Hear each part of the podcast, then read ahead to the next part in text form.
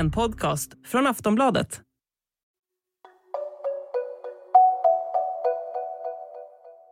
Det har gått drygt en vecka sedan Ryssland invaderade Ukraina.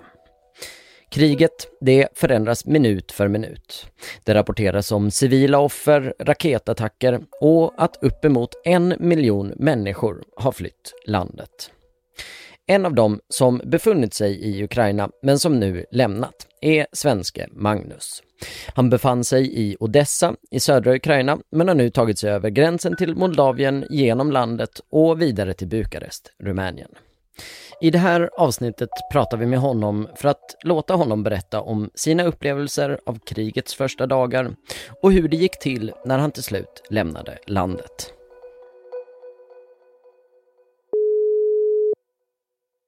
Så då. Oj. När vi når Magnus så är det sent onsdag eftermiddag och han befinner sig på ett hotell i Bukarest i Rumänien. Vi har ringt upp honom för att han ska få berätta om sina senaste dagar. Allt började förra veckan när han åkte ner till Ukraina och staden Odessa som ligger i södra delarna av landet.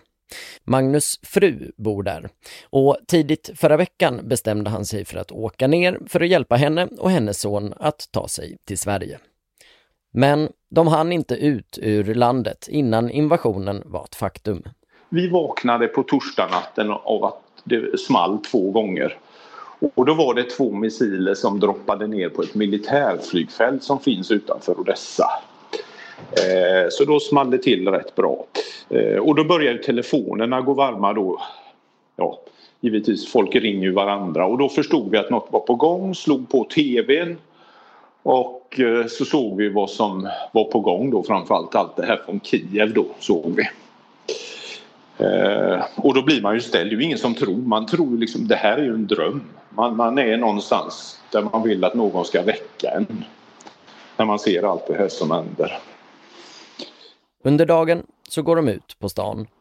Folk köar till bankomater men annars så är det rätt så lugnt. Någon timme senare så smäller det igen och enligt Magnus så är det ett militärförråd som träffas av en missil. Sen blir det förhållandevis lugnt.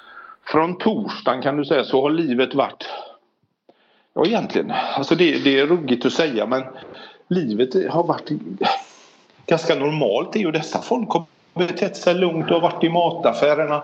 Okej, okay, kanske pastan varit slut men du har kunnat gå till en annan affär och folk har betett sig som, ja när du går och handlar liksom, ja, som inte så mycket. Visst, de bunkrar på sig vatten och det gjorde vi också och lite annat men det är liksom ingen panikstämning. Ingen panikstämning överhuvudtaget utan det är, ja, trafiken flyter på, bilar flyter på. Går du i stan så är det som att egentligen ingenting har hänt. Eh, dock, desto längre det går fram mot, ja, vad ska vi säga, kanske söndagen då, lördag, söndag så börjar det bli mer och mer tomt på gatorna givetvis. För då kom ju det här med utegångsförbudet och så vidare. Va? Ja.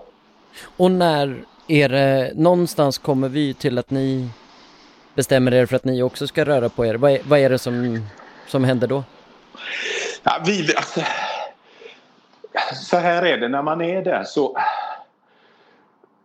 för det första, kan vi säga på nätterna då så när man går och lägger sig så vet man går ju till, till sängs kan du säga med att om utifall att vetskapen att det ska smälla, att sirener ska börja, att någonting ska hända. Så du vet ju aldrig när du går och lägger dig. Liksom. Vad händer nu?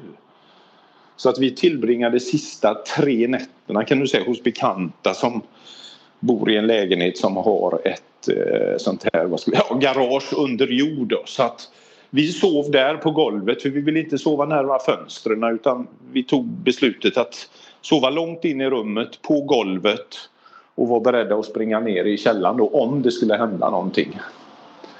Eh, så att där tillbringade vi de sista ja, tre nätterna då i den lägenheten. På dagarna gick vi tillbaka till den andra lägenheten. Problemet för Magnus och hans familj är att de inte har någon bil och därför inte kan ta sig därifrån. Men på måndag förmiddag den här veckan så har de till slut hittat någon som kan hjälpa till och de börjar då åka mot Moldavien. Eh, och sen visste vi då att när vi kom tagit igenom eller kommit till Moldavien så skulle det stå en kille på gränsen där och, köra oss in eh, till några av bekantas bekanta då där vi kunde få övernatta. Men vi startar på måndag förmiddag, jag, frun och hennes son. Eh, och för att komma ut ur dessa så, ja nu blir det svårt. Eh, då har man ju en form av vägspärrar. Givetvis för trafiken in och då har för trafiken ut. Så vi sitter väl i tre timmar tror jag ungefär i kö ut där då. För då vill man kontrollera bilarna. Och det är ju så att män mellan 18 och 60 får ju inte lämna landet så att där är ju en kontroll då. Och ja, där brast det. Ja, det är så jävligt alltså. Puh. Puh, ursäkta. Men då när du är i den här kön då är det ju så här att helt plötsligt så kan du säga att då dyker kriget upp framför dig. 10 meter framför dig. För då kliver ju männen papper ut ur sina bilar. Ja, fy fan. Ursäkta. Och de, de kramar frun och de kramar barnen. Ja, förstår ni? Detta är 2022. Det är för jävligt. Ursäkta. Så att det här spelas ju upp liksom hela tiden. Tio meter framför dig, fan de kliver ut ur bilarna och kramar sina fruar och barn. Och, ja, och sen vandrar de tillbaka och sen är det ju bara frun och barnen kvar i bilen som då ska iväg. Va? Förstår ni? Det är 2022. Det, ah, det, ah. Och då brast det ju för mig. Va? Oh, ja, det, det, alltså det händer inte i Europa. Det händer inte. Eh, så att, ja, det, usch. Magnus och hans familj får köa några timmar. På plats finns människor som hjälper till. Man hinner inte kliva ut ur bilen och ställa sig i den här långa kön. Alltså det, det, där kommer de med frukt, smörgåsar, dricka. Eh, du, alltså te, du får dricka hur mycket te du vill. va och de förser dig, och framförallt barn då, och kvinnor förser med har filtar. Och, och, vi stod i kö och det tog sex timmar ungefär så vi stod från halv fem, fem till elva och klockan elva var vi igenom.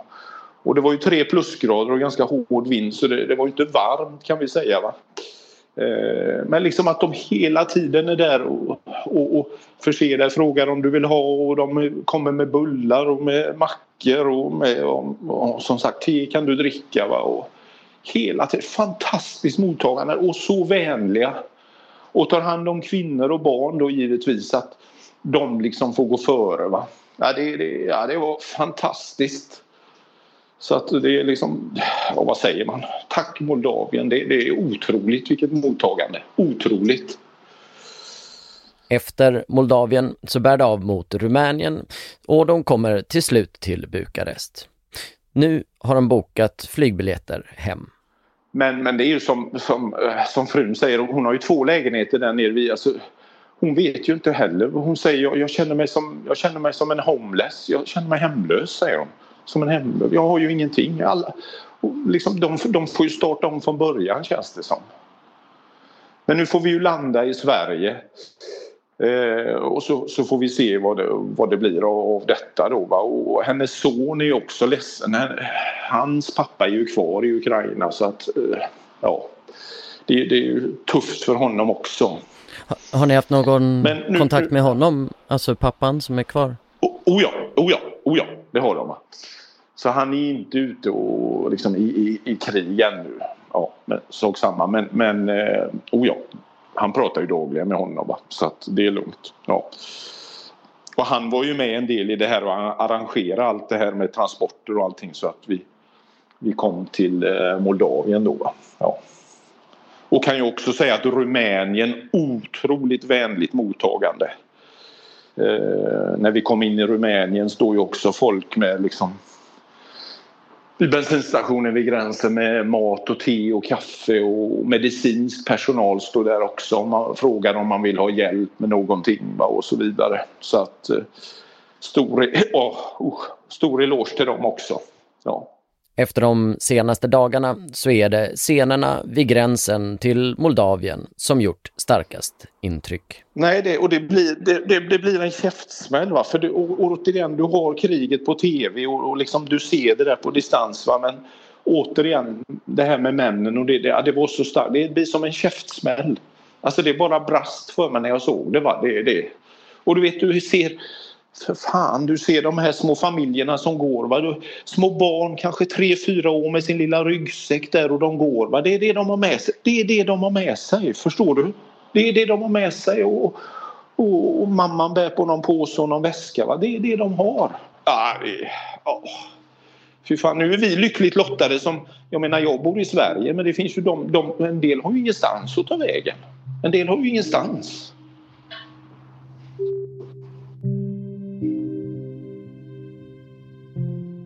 Du har lyssnat på ett avsnitt av podden Aftonbladet Daily. Jag som pratar, jag heter Marcus Ulfsand. Följ Aftonbladets bevakning här och på vår sajt för att höra det senaste om invasionen av Ukraina.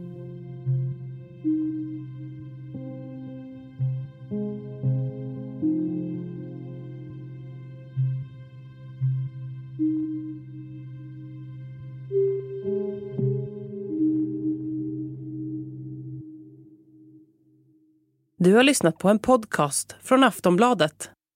Ansvarig utgivare är Lena K Samuelsson.